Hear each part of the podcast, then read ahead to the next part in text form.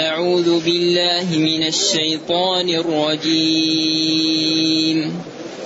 يا أيها الذين آمنوا إنما المشركون نجس فلا يقربوا المسجد الحرام فلا يقربوا المسجد الحرام بعد عامهم هذا وإن خفتم عيلة فسوف يغنيكم الله من فضله إن شاء. إن الله عليم حكيم. قاتلوا الذين لا يؤمنون بالله ولا باليوم الآخر ولا يحرمون ما حرم الله ورسوله ولا يدينون دين الحق من الذين أوتوا الكتاب حتى يعطوا الجزية عن يد وهم صاغرون وقالت اليهود عزير ابن الله وقالت النصارى وقالت النصارى المسيح ابن الله. ذلك قولهم بأفواههم. يضاهئون قول الذين كفروا من قبل. قاتلهم الله أنا يؤفكون. الحمد لله الذي أنزل إلينا أشمل الكتاب وأرسل إلينا أفضل الرسل وجعلنا خير أمة أخرجت للناس. فله الحمد وله الشكر على هذه النعم العظيمة والآلاء الجسيمة والصلاة والسلام على خير خلق الله وعلى آله وأصحابه ومن اهتدى بهداه. أما بعد فإن الله تعالى ينادي المسلمين ويخبرهم أن المشركين نجس. يا أيها الذين آمنوا إنما المشركون نجس.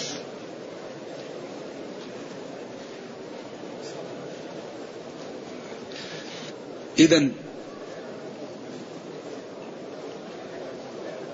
ينادي الله تعالى المؤمنين يا أيها الذين آمنوا. وهذا نداء في نوع من التشجيع والتكريم والتحفيز. و يا حرف للنداء البعيد. وأي وصل للنداء فيه ال. والذين آمنوا تشمل المسلمون والمؤمنون. إنما هي أم الباب في صيغ الحصر. المشركون جمع مشرك. والمشرك هو الذي يعبد مع الله غيره. من الإشراك وهو أن يجعل ما يختص بالله لغير الله أو يشارك غير الله فيما يستحق يستحقه الله. قال نجس. المشركون نجس نجس مصدر. تقول زيد نجس والزيدان نجس. والزيدون نجس والهندات نجس. ونعتوا بمصدر كثيرا فالتزموا الإفراد والتذكير. وهذا يعني بيان شدة يعني إيغالهم في النجس. فالتعبير بالمصدر يدل على التأكيد. إذا ما الذي يكون إذا كان المشركون نجسا إذا ما الذي يحصل؟ يا أيها الذين آمنوا إنما المشركون نجس. إذا ما لا يكون؟ فلا يقرب المسجد الحرام. فمومئة للعلة. هذه تنبه وتومي إلى العلة. إذا فلعلة نجاستهم لا يقربون المسجد الحرام. كما قال السارق والسارقة فاقطعوا أيديهما لعلة السرقة. الزانية والزاني فاجلدوا لعلة الزنا. كفنوه في ثوبيه فإنه يبعث يوم القيامة ملبيا. ولا تخمر رأسه. فلعلة أنه يبعث ملبيا لا تخمر رأسه. ثم قال إنما المشركون نجس فلعلة نجاستهم لا يقربون المسجد الحرام. وهنا وقفة لفقهاء الإسلام. فمنهم من قال الله قال فلا يقربوا المسجد الحرام. بعد عامهم هذا عام تسعة. قال ابن العربي عام عشر وهذا مرجوح. لأنه عامهم هذا الذي حج فيه أبو بكر بالناس. وبعده هو عام عشر فلا يقربونه. وهذا واضح. فالشافعي وأحمد رضي الله عن الجميع قالوا الله صرح بالمسجد الحرام. إذا قال المشركون نجس فلا يقربوا المسجد الحرام. ما قال مسجد المدينة ولا مسجد القدس ولا مسجد أي محل ثاني. إذا يفهم من دليل الخطاب أن المساجد الأخرى بخلاف المسجد الحرام. والذي يظهر من النصوص أن المسجد الحرام في سياق الشريعة يقال لكل الحرم. وإن أبى ذلك جلة من العلماء إلا أن السياق والأدلة تدل على أن الحرم كله يقال له المسجد الحرام. بدليل قوله هديا بالغ الكعبة. ولا في أحد يقول أنه يحل أن يذبح الهدي عند الكعبة لأن الكعبة في داخل الحرم. لكن في هديا بالغ الكعبة أي بالغ الحرم. وقال هم الذين كفروا وصدوكم عن المسجد الحرام والهدي معكوفا أن يبلغ محله وصرح أنهم كانوا في المسجد الحرام وهم في طرفه في الحديبية. وقال جل وعلا سبحان الذي أسرى بعبده ليلا من المسجد حرام قالوا كان في بيت أم هانئ خارج عن الحرم وإنما الحرم كله يقال له المسجد الحرام. والذي يظهر من النصوص أنه تضاعف فيه الحسنات. أن كل الحرم المكي تضاعف فيه الحسنات. هذا الذي يظهر من النصوص وأنه أيضا الجريمة فيه تغلظ. لا تضاعف لكن تغلظ. يكون يضربك صوت واحد لكن يضرب أقوى الناس. تغلظ فيه المعصية جمعا بين الأدلة من جاء بالحسنة فله عشر أمثالها ومن جاء بالسيئة فلا يجزى إلا مثلها. جمعوا بين النصوص قالوا المعصية في المسجد الحرام تغلظ و و وقد وعد أوعد من يحاول أن ينوي المعصية. قال ومن يرد فيه بإلحاد بظلم نذقه من عذاب أليم. ولو بعدن أبين الذي يريد أن يعمل معصية في الحرم ولو خارج الحرم قالوا هذا عليه الوعيد. ولذلك قال الفقهاء الغنم بالغرم. الغنم بالغرم. الغنم ما تكسب بالتعب. ما يمكن واحد يكسب بدون تعب. ولذلك الله يقول أوفوا بعهدي أوفي بعهدكم. إن الله اشترى أجرك على قدر نصبك. الغنم وهو ما تأخذ بالغرم بما تتعب فيه. ذلك كل ما كان الشخص كثير الطاعة كل ما كان كثير الحسنات. لذا من أكثر ما تضاعف فيه الحسنات صلاة الفريضة في المسجد الحرام. أجرها كثير. الصلاة الواحدة يعني تساوي من عمر الإنسان خمسة وخمسين سنة وخمسة شهور وسبعة عشر يوم. صلاة واحدة في المسجد الحرام. لأنها بمئة ألف صلاة وبعدين ضيف معها الفريضة سبعة وعشرين وقسمها على عمر الإنسان. تساوي من عمر الإنسان خمسة وخمسين سنة وخمسة شهور وسبعة عشر يوم. صلاتين مئة وعشر سنوات. هذا ربح هائل. لكن هذا الربح يكون إذا كان الإنسان يمسك البصر عن النظر للحرام الأذن عن سمع الحرام اللسان عن النطق بالحرام. يكون يستعمل موارد العلم في شكر الله. وجعل لكم السمع والأبصار والأفئدة لعلكم تشكرون. أعطانا موارد العلم لنستعملها في شكر الله. فالذي يكون في مكة ويستقيم ربحه كثير.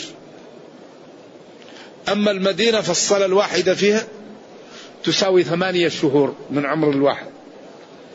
ثمانية شهور ما هي مثل خمسة وخمسين سنة. فرق كبير جدا. إذا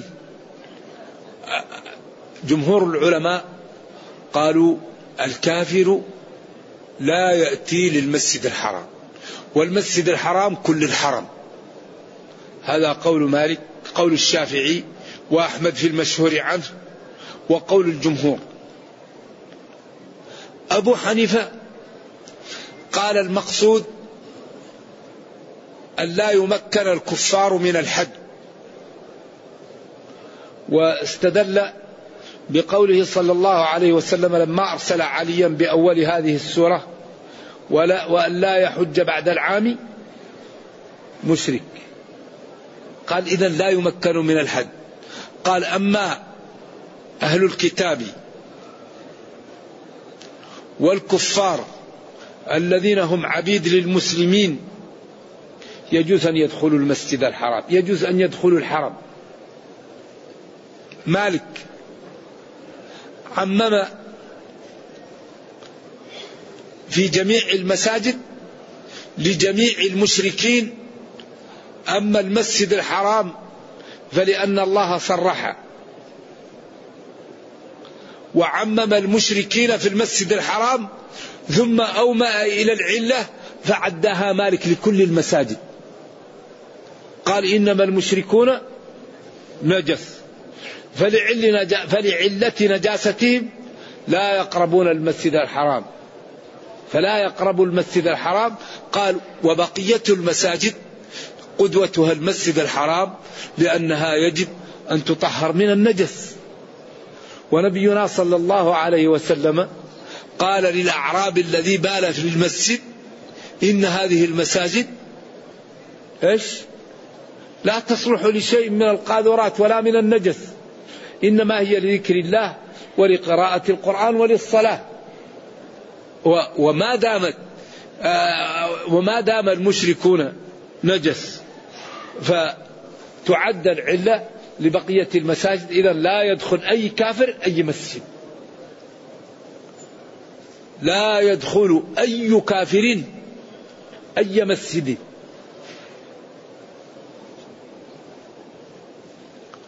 وقووا هذا بقوله تعالى إنما يعمر مساجد الله من آمن بالله. إنما يعمر مساجد الله من آمن بالله. الذي لا يؤمن بالله ليس له حق في عمارة المسجد.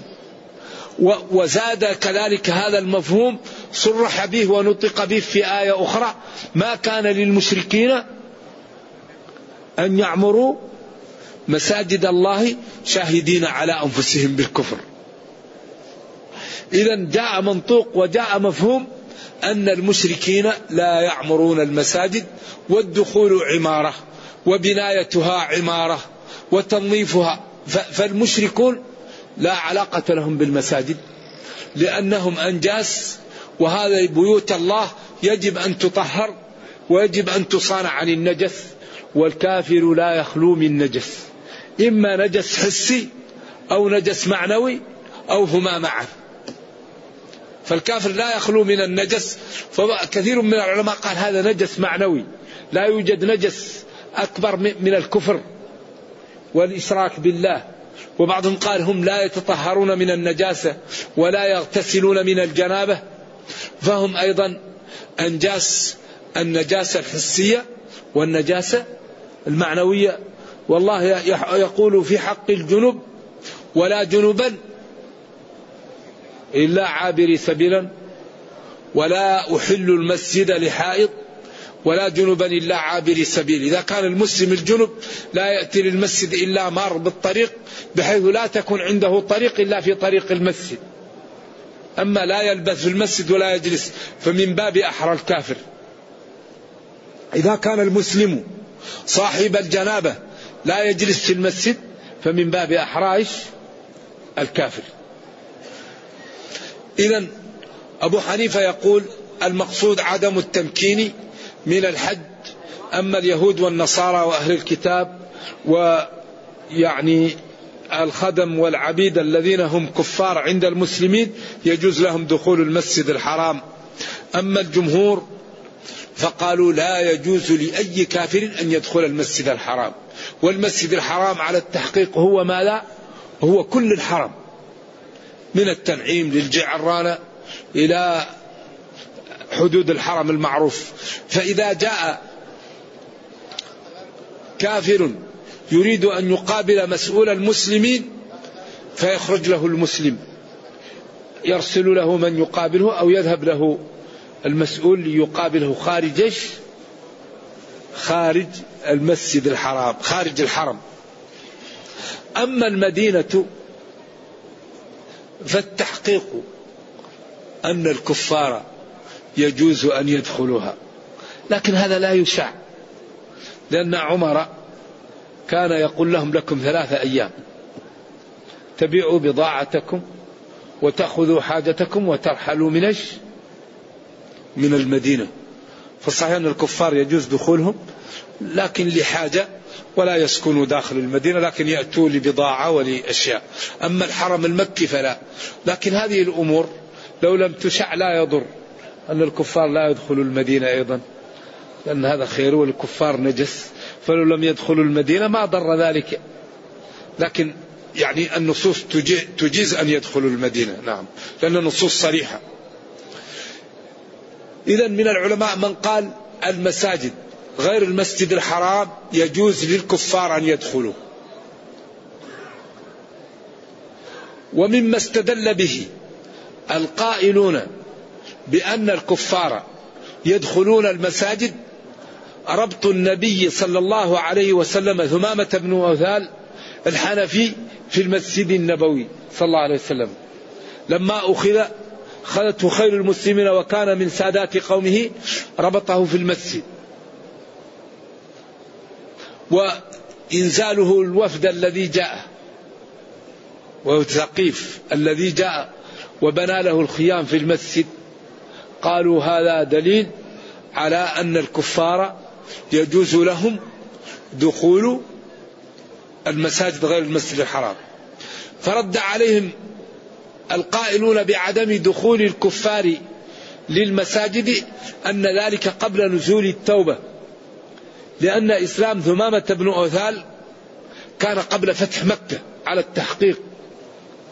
لأنه لما قال أنا نويت العمرة وقال له أوفي بنذرك فأرادت قريش أن تمنعه من من إيش؟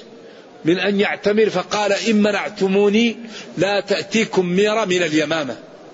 أمنع عنكم الحبوب تورد لكم من اليمامة.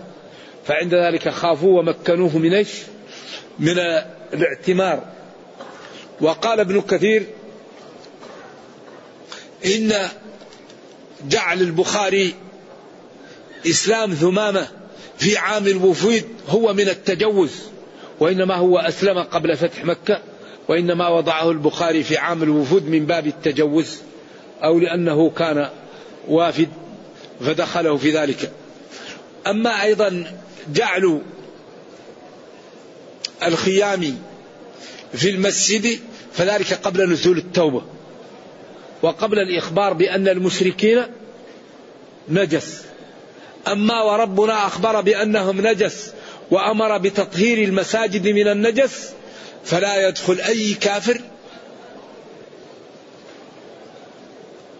أي مسجد.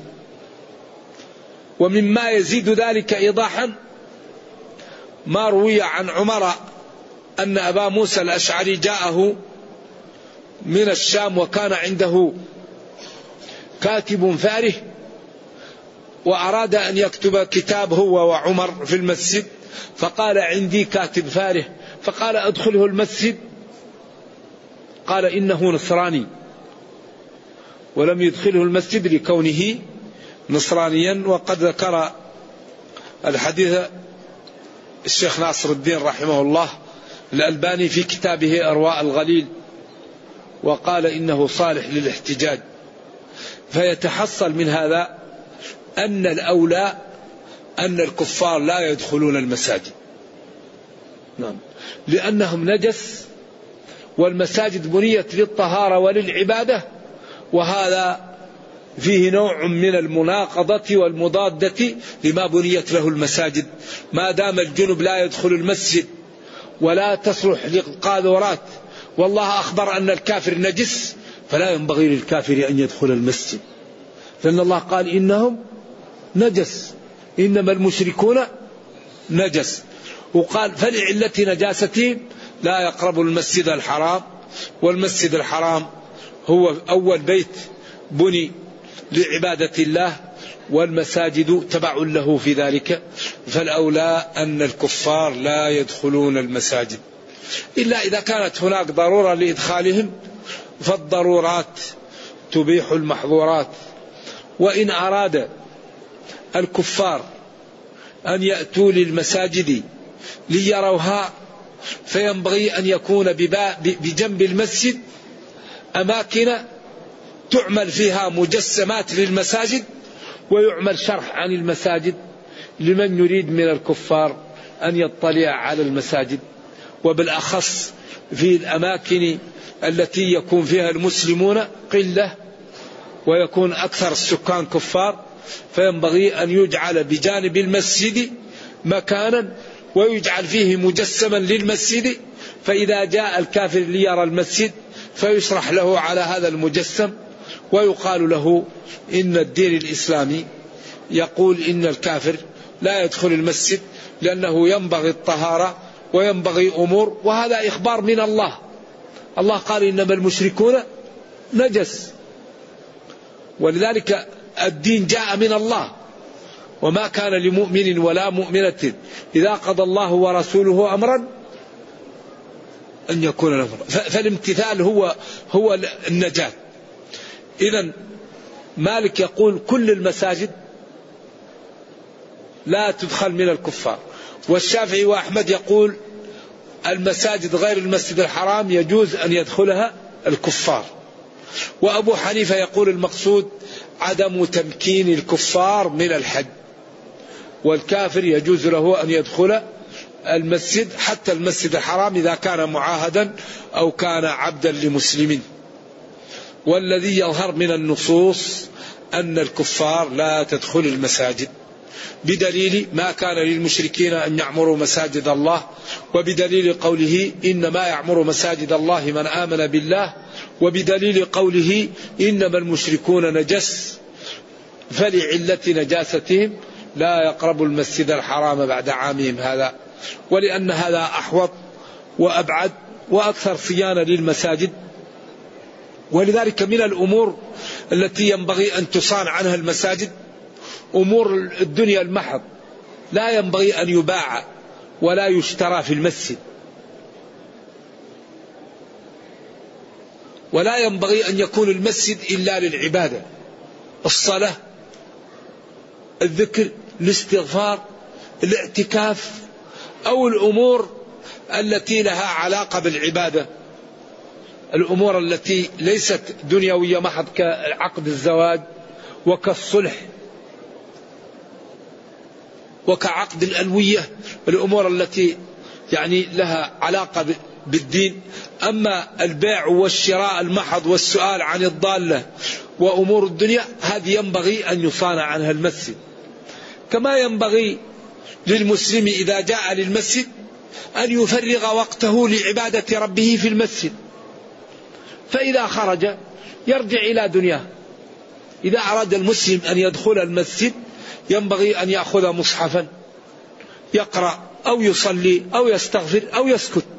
أما يأتي للمسجد ويبدأ يتكلم في أمور الدنيا حتى ينتهي الوقت ويخرج ولم يستفد شيئا هذا لا ينبغي. ينبغي أن نعمر أوقاتنا التي تكون في المسجد. كما ينبغي لنا أن نخاف من أن نمر بين يدي المصلي وأن نشوش على المصلي أو نرفع صوته أو نأذيه برائحة كريهة أو نتخطى رقاب الناس. الذي يأتي للمسجد ويريد الصفوف الأولى يأتي مبكرا. أما الإنسان يتأخر ويأتي يدعس على الناس. قال له أجلس فقد آذيت. من جاء في الساعة الأولى فكأنما قرب بدنه. أما يأتي متأخر ويدعس على الناس هذا ما يجوز هذا أذية. أذية المسلم لا تجوز. والذي يأتي ويأخذ المصحف ويرفع صوته على القارئين والمصلين هذا لا يجوز. أسمع نفسك أو أقرأ في سرك لا تأذي الآخرين. والذي يأتي ويأكل البصل والثوم أو يتضمخ برائحة كرهة ويجلس أمام الناس ويأذيهم هذا لا يجوز. والذي يمر أمام المصلي وله مندوحة هذا آثم. إذا ينبغي إذا جئنا للمساجد أن نتأدب. نقرأ القرآن نذكر الله نستغفر نسكت لا نرفع أصواتنا ولا نحمل رائحة كريهة ولا ندعس على رقاب الناس ونتخطاها. نتأدب. فإذا لم نجد مندوحة فالذي يصلي في طريق الناس آثم. وأذم مار له مندوحة ومصل تعرض. المار الذي يجد طريق ما هو أمام الناس ويمر أمام الناس هو آثم. والذي يأتي للباب ويصلي هذا أثم لأنه تعمد أن الناس يمرون أمامها فهو أوقعهم في إيش؟ أوقعهم في الإثم. ولذلك فيه كتب تتكلم عن المساجد إعلام الساجد للزركشي وفيه كتاب القضاعي وفيه كتب في هذا الجانب ينبغي للمسلم أن يقرأها فيعلم ماذا عليه إذا دخل المسجد وماذا له حتى يعطي للآخرين حقوقهم ويأخذ حقه ولا يزيد على ما أعطاه الله. إذا يقول جل وعلا يا أيها الذين آمنوا إنما المشركون نجس. فلعلة نجاستهم لا يقربوا المسجد الحرام بعد عامهم هذا عام تسع. ثم جاء على طول سد ما يخطر بباب المسلمين. نحن بواد غير ذي ذر وكل من حولنا كفار. فإذا منعنا الكفار من من الاعتمار ومن الحج ومن زيارة بيت الله كيف نعيش؟ كيف نعيش إذا؟ قال جل وعلا وإن خفتم عيلة فسوف يغنيكم الله من فضله لا تخافوا. امتثلوا أوامر الله واجتنبوا نواهيه والباقي على الله. لذلك الله دائما إذا جاء باب السد كما قال هناك وأمر أهلك بالصلاة واصطبر عليها. قالوا الصلاة تأخذ الوقت تحتاج إلى وضوء وإلى جماعة وإلى انتظار الصلاة. طيب كيف نعيش؟ قال وإن خفتم عيلة. قال لا نسألك رزقا نحن نرزقك. ما دامت الصلاة تأخذ عليك الوقت الله يرزقك. هنا قال إنما المشركون نجس فلا يقربوا المسجد الحرام بعد عامهم هذا وإن خفتم عيلة فقرا ونقصا في المال فالله يغنيكم من فضله إذا التزموا شرع الله والغناء والحفظ والعزة على الله. لذلك لا يوجد شيء أنفع من طاعة الله. من أطاع الله الله يرزقه ويدفع عنه ويعطيه ويرزقه ما يريد. إذا وإن خفتم عيلة فسوف يغنيكم الله من فضله إن شاء. قال إن شاء هذا دليل على أن كل شيء بيد الله وأن الخلق لا يملكون شيئا. فأباح الله لهم الجزية وأرسل المطر مدرارا وأصبحت البلاد تخرج الحبوب والثمار ويجنوها لمكة واستغنوا أهل مكة وما وعد الله به أنجزه جل وعلا لأنه لا يخلف الميعاد. إذا وإن خفتم عيلة فقرا فسوف يغنيكم الله من فضله. من فضله إن شاء غناكم. وقد شاء ذلك فخصب التبالة والجرش وغيرها من البلاد المتاخمة للحجاز لمكة وأصبحوا يأتون بالميرة وبالحبوب ويستوردون لهم وأباح لهم الغنائم وأخذ الجزية واستغنى المسلمون وقال فسوف يغنيكم الله من فضله إن شاء إن شاء غناءكم. ولذلك الغنى بيد الله فينبغي للمسلم أن يطلب غناه بما شرع الله له. فأحل البيع وأحل الزراعة وأحل التنمية وحرم الربا والنجش والغرر وبيع الجهالة والحصاء وبيعتين في بيعة وبيع قبل أن تأخذ وبيع ما لا تملك. والبيع قبل القبض. في بيوع حرمها وفيه بيوع أحلها وجعل لك مندوحة وقال لك هذا إن اتبعته أبشر بالخير وهذا إن اتبعته لا تلومن إلا نفسك. وأعطاه موارد العلم وأعطاه العقل. وقال من يعمل من الصالحات من ذكر أو أنثى وهو مؤمن فلنحيينه حياة طيبة.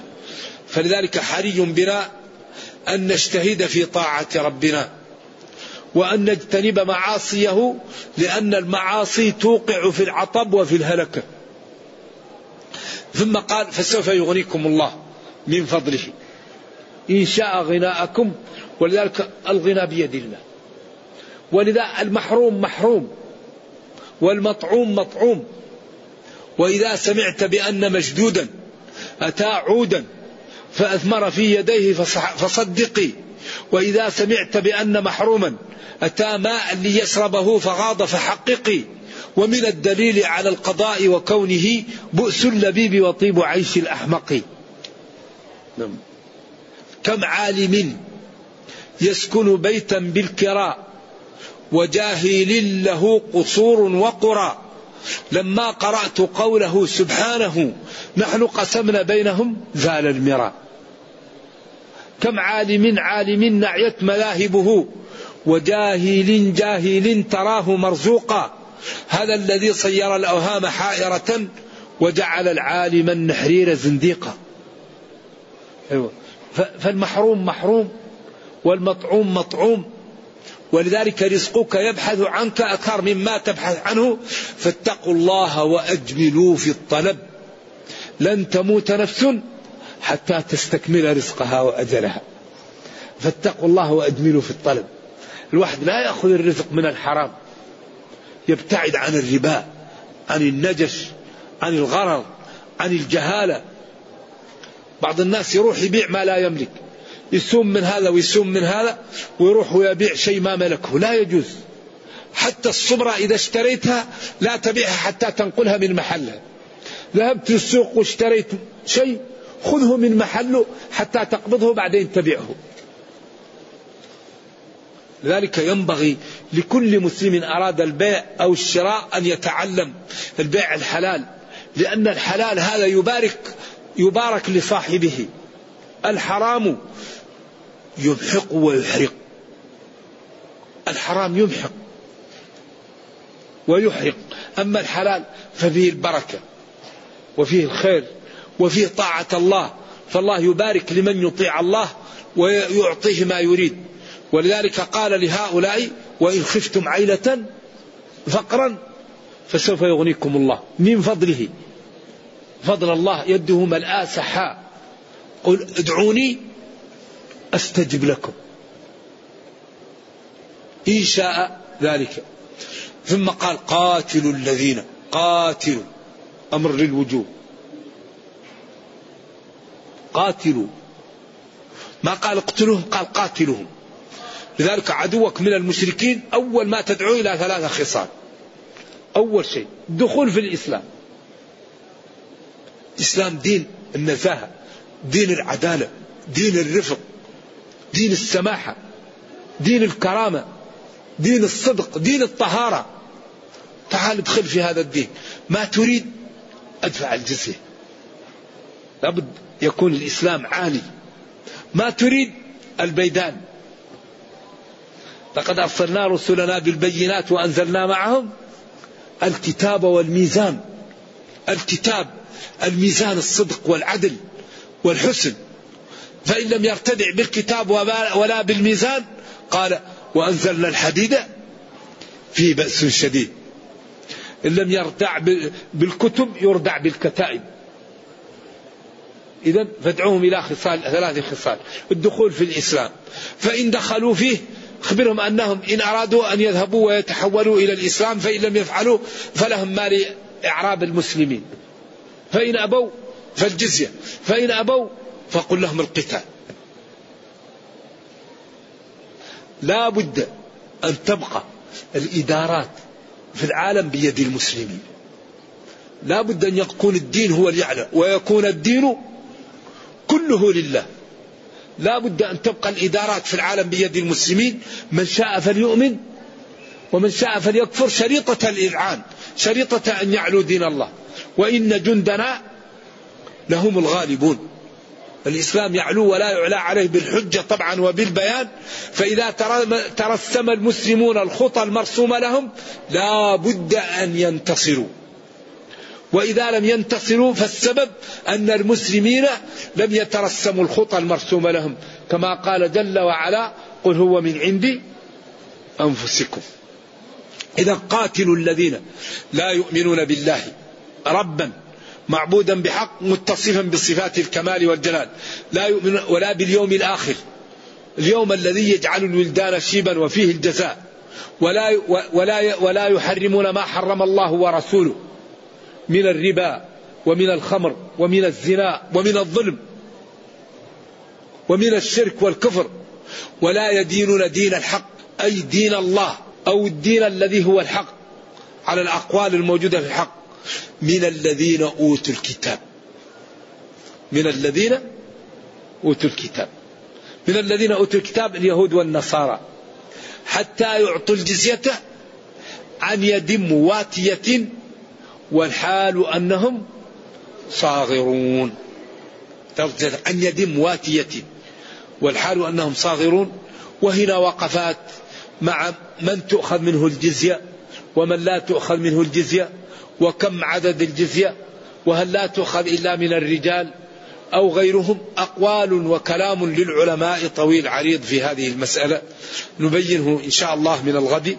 ونرجو الله جل وعلا أن يرينا الحق حقا ويرزقنا اتباعه وأن يرينا الباطل باطلا ويرزقنا اجتنابه وأن لا يجعل الأمر ملتبسا علينا فنضل.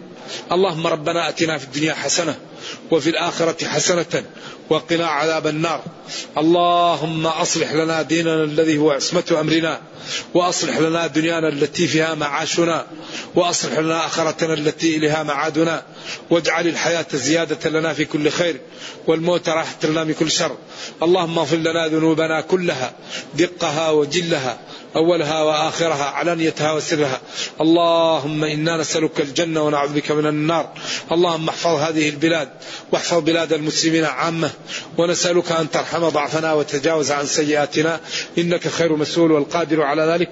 وصلى الله وسلم وبارك على نبينا محمد وعلى آله وصحبه.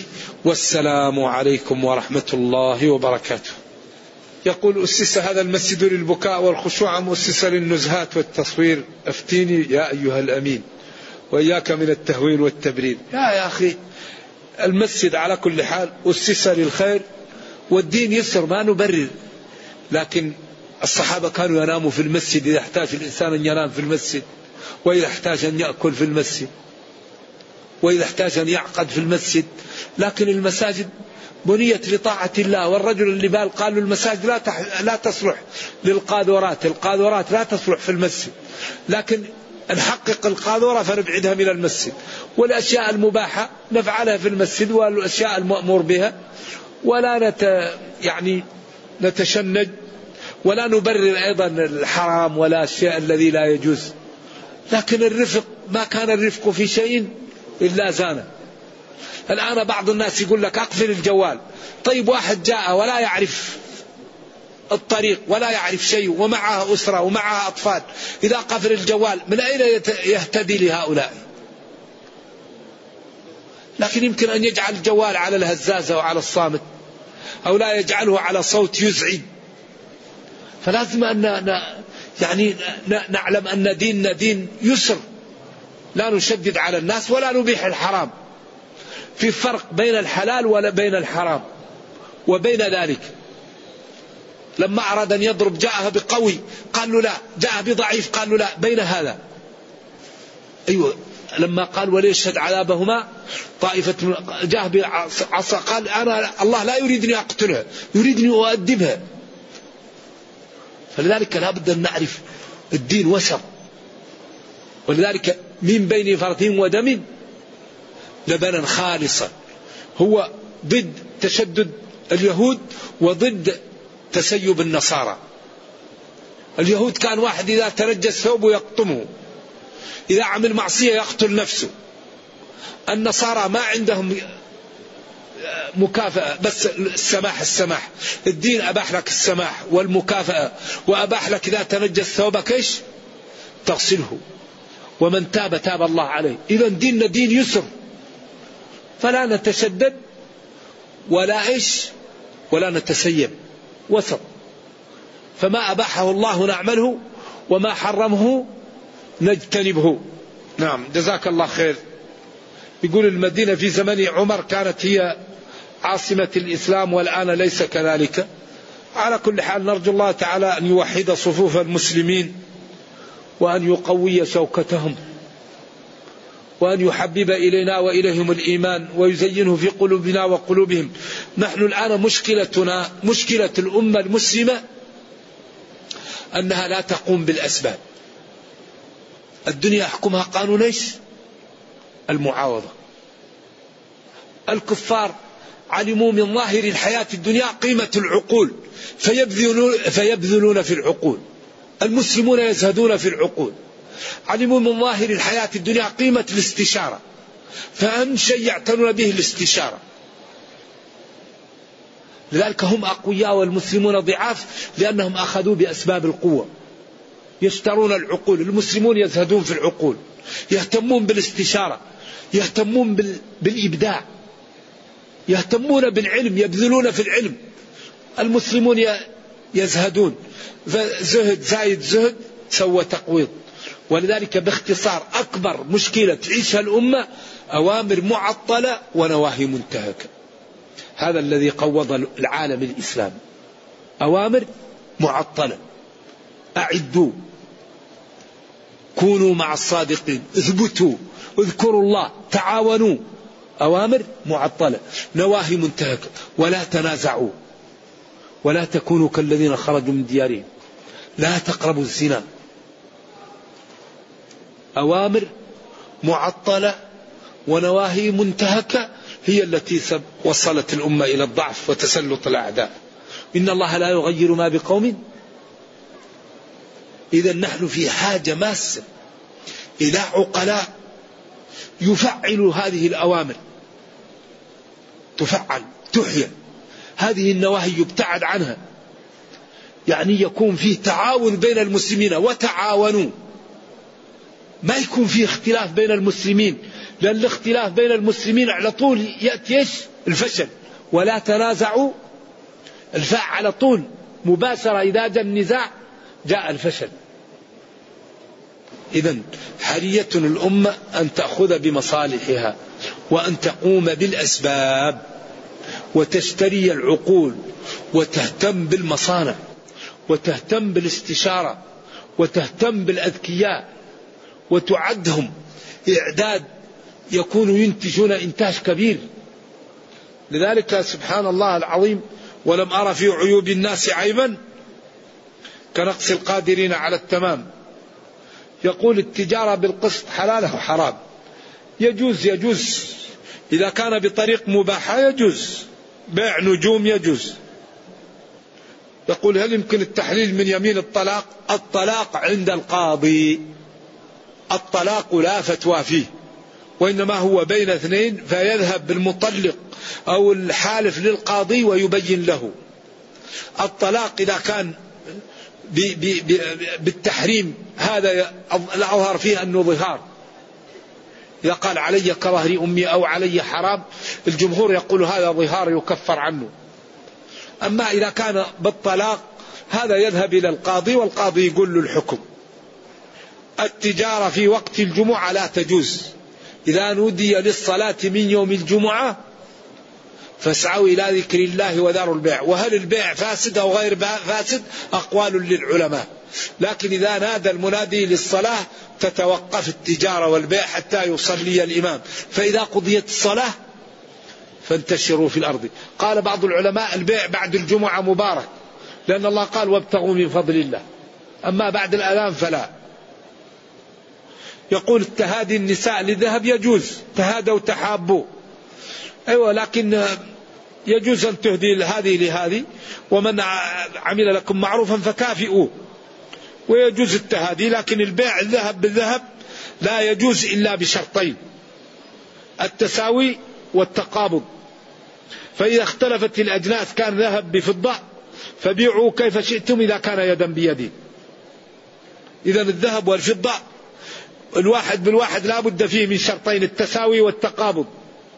فإذا اختلفوا لا بد من التقابض ولا يلزم التساوي. ولذلك لا ينبغي لأي مسلم أن يشتري ذهبا أو فضة بدين. إذا أراد أن يشتري الذهب يأخذ النقود ويشتري نقدا. لا يصلح شراء الذهب والفضة بالدين. وما يفعله كثير من أصحاب التجار ويشتري من صاحب المصنع بالدين. هذا خلاف هذا لا يجوز مع الأسف. فلذلك ينبغي أن نتقي الله ونعمل بطاعة الله لأن هذا يبارك لنا في تجارتنا وفي أعمالنا وفي أموالنا وفي أولادنا. لأن من يتقي الله يجعل له مخرجا. والمعاصي تسبب زوال النعم ونزع البركة. من العمر والمال والولد. فنتقي الله ونعمل بطاعة الله ولنعلم شروط صحة البيع وحرمته ونبيع بالبيع الحلال حتى يبارك لنا في تجارتنا. يقول بعض الأئمة في صلاة الجهر يتمهل في القراءة. وإذا أسر فإنه يسرع لدرجة أن المأموم لا يتمكن من قراءة الفاتحة. ينبغي للإمام أن يجعل قراءته في السر والعلن قريبة من بعض. فلا يسرع ولا يبطئ ومن صلى بالناس فليخفف. الإمام لازم التخفيف. أيها الناس إن فيكم الضعيف والمريض ولا الحاجة فمن صلى بالناس فليخفف. لكن الذي يصلي بسبح وبهلتاك حديث الغاشية في الفجر. هذا خفف لأن التخفيف منضبط. الذي يصلي مثلا بصفحة أو بصفحتين في الفجر هذا خفف ما طول. أيها الناس إن فيكم الضعيف والمريض وذا الحاجة. فمن صلى بالناس فليخفف. ومن صلى لنفسه فهو إن أراد أن يخفف وإن أراد أن يطيل لكن من يصلي بالمسلمين وبالأخص في الأماكن التي يكون فيها المسجد فيه آلاف الناس هذا يخفف. لكن التخفيف منضبط فإذا قرأ بقصار السور في الفجر لا يقال إنه لم يخفف. يقول رجل تزوج ليكمل دينه وصاحب وتزوج بالدين ثم دخل دخله صاحب الدين السجن. فهل هذا يجوز إخراج الزكاة عليه؟ نعم. الفقير من المسلمين يجوز إخراج الزكاة عليه. إنما الصدقات للفقراء والمساكين. هذا بالأصل والباقي للعارض التي الذي فيهم. العاملين عليها لأجل عمله. والمؤلف قلوبهم لأجل تأليفهم. والباقي للأمور. أما الزكاة أصلها للفقراء والمساكين. صدقة تؤخذ من أغنيائهم فترد على فقرائهم. الزكاة أصلها للفقراء والمساكين. أما الباقي فهي لهم عرض للعارض الذي جاءهم. أما أي مسلم فقير فهو يستحق الزكاة. إلا إذا كان أبا لك أو ابنا أو زوجة لا. الزكاة لا تعطى للأصول ولا للفروع ولا للزوجة. وإنما تعطى للناس أبناء العم والإخوان الذين لا تلزمك نفقتهم. ما حكم التسبيح على السبحة التسبيح طيب في كل شيء لكن الأفضل في الأصابع. تأتي فيها نور يوم القيامة. شوف أصابع هذه سبح الواحد فيه ولو سبح في أي شيء الأمر سهل لكن ما هو لازم. تعمل السبحة أنها سنة وإن ما عنده سبحة مبتدع هذا بدعة. لكن تسبح بأي شيء لكن الأفضل في الأصابع. قال من قال سبحان الله وبحمده مئة مرة غفرت ذنوبه ولو كانت مثل زبد البحر فالذي يشق عليه في الأصابع. لو يسبح الأمر سهل لكن في الأصابع أفضل. لكن لا يأخذها أنها سنة يأخذها أنها إيش؟ أن هذه آلة يعد بها أنها جائزة. أما الذي يعملها السنة هذه مشكلة. رفع اليدين في الدعاء. رفع اليدين في الدعاء لا ضير فيه. لأن النبي صلى الله عليه وسلم رفع يديه وقال لا ترفعوا إلا في هذا المحل. فهو جائز. ولكن الأولى أن يرفع الإنسان في المكان الذي رفع فيه والأماكن الذي لم يروى أنه رفع فيها لا يرفع فيها. لكن لا يقال رفع اليدين بدعة. لأن رفع البدعة إحداث شيء في الدين على غير مثال سابق وما دام نبينا صلى الله عليه وسلم رفع يديه ولم يقل لا تفعلوا فأقل ما فيه الجواز. لكن الأفضل أن نرفع في المكان الذي رفع فيه وأن لا نرفع في الأماكن الذي لم يرفع فيها.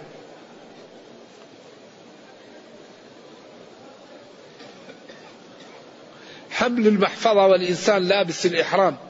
إذا كان فيها زادك الأمر سهل إن شاء الله. المرأة جرت للعمرة وهي في إيش؟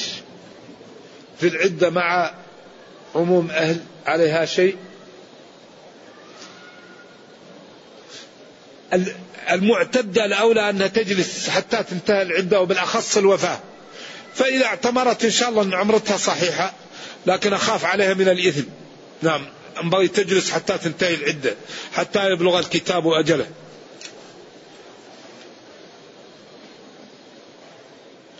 ما معنى الإلحاد في المسجد الحرام؟ هل المقصود مكة فقط أو المساجد؟ هل ترك النهي عن المنكر من الإلحاد؟ هل تخطي رقاب الناس من الإلحاد؟ الإلحاد هو الميل عن الشرع ومن يرد فيه بإلحاد واللحد هو الميل والشق في القبر. ولكن دائما يقال الإلحاد للكبائر. آه، والإنسان ينبغي أن يبتعد عن المعاصي جميعها وبالأخص في المسجد الحرام. هل أي صلاة في المسجد الحرام بمئة ألف صلاة أم صلاة الفريضة فقط؟ الذي يظهر أن النوافل في البيوت أفضل. لأن النبي صلى الله عليه وسلم قال صلاة المرء في بيته أفضل إلا المكتوبة. فإما أن النوافل لا تضاعف في المساجد وإذا كانت تضاعف في المساجد فهي في البيوت أفضل. إذا على كل حال الصلاة في البيت النافلة أفضل. أفضل لأنها لا تضاعف أو إذا كانت تضاعف في المسجد فهي في البيت أفضل. إذا ينبغي أن نصلي النوافل في بيوتنا.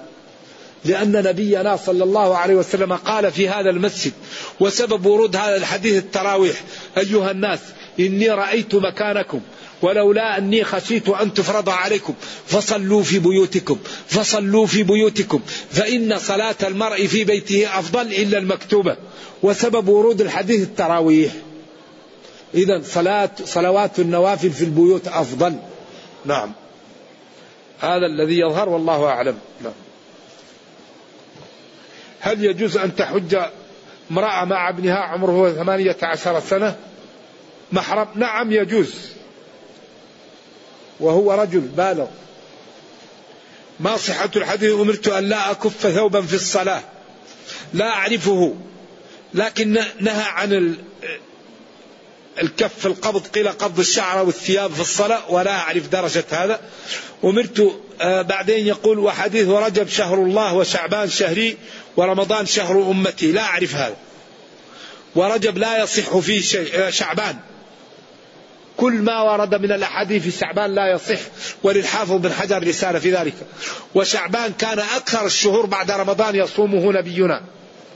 كان يصوم شعبان كله أي أغلبه. ما حكم إيش هذا؟ المهم هذا يقول ما حكم مسح اليدين على الوجه؟ ورد حديث فيه لا يثبت. وقال الحافظ بن حجر إنه صالح للاحتجاج. والمحققون يقول لا يثبت. نعم. أي بعد الدعاء. بعد أن يرفعهم يقول يمسح بهم وجهه. الحافظ بن حجر قال إنه صالح والمحققون يقول لا يثبت. يقول هل نجد ألف صلاة إذا صلينا في الحرم خارج الحرم؟ هكذا يقول المحققون. إيه. يكفي هذا. الاستغاثة بغير الله لا يجوز أن يستغاث إلا بالله. إنه لا يستغاث بي وإنما يستغاث بالله. ودعاء غير الله مثل أن يقول إن غير الله يخلق الجبل. ولذلك الله بين هذا ووضحه في سورة النمل. قال قل الحمد لله. وسلام على عباده الذين اصطفى. آه الله خير ما تشركون. أما خلق السماوات والأرض وأنزل لكم من السماء ماء فأنبتنا به حدائق ذات بهجة. ما كان لكم أن تنبتوا شجرها. أإله مع الله. بل هم قوم يعدلون. أمن جعل الأرض قرارا وجعل خلالها أنهارا وجعل لها رواسي وجعل بين البحرين حاجزا. أإله مع الله. بل أكثرهم لا يعلمون. ثم قال وهو محل الشاهد أمن يجيب المضطر إذا دعاه؟ أمن يجيب المضطر إذا دعاه؟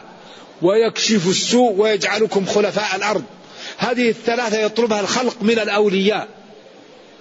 إجابة المضطر وكشف السوء وجعلكم خلفاء في الأرض.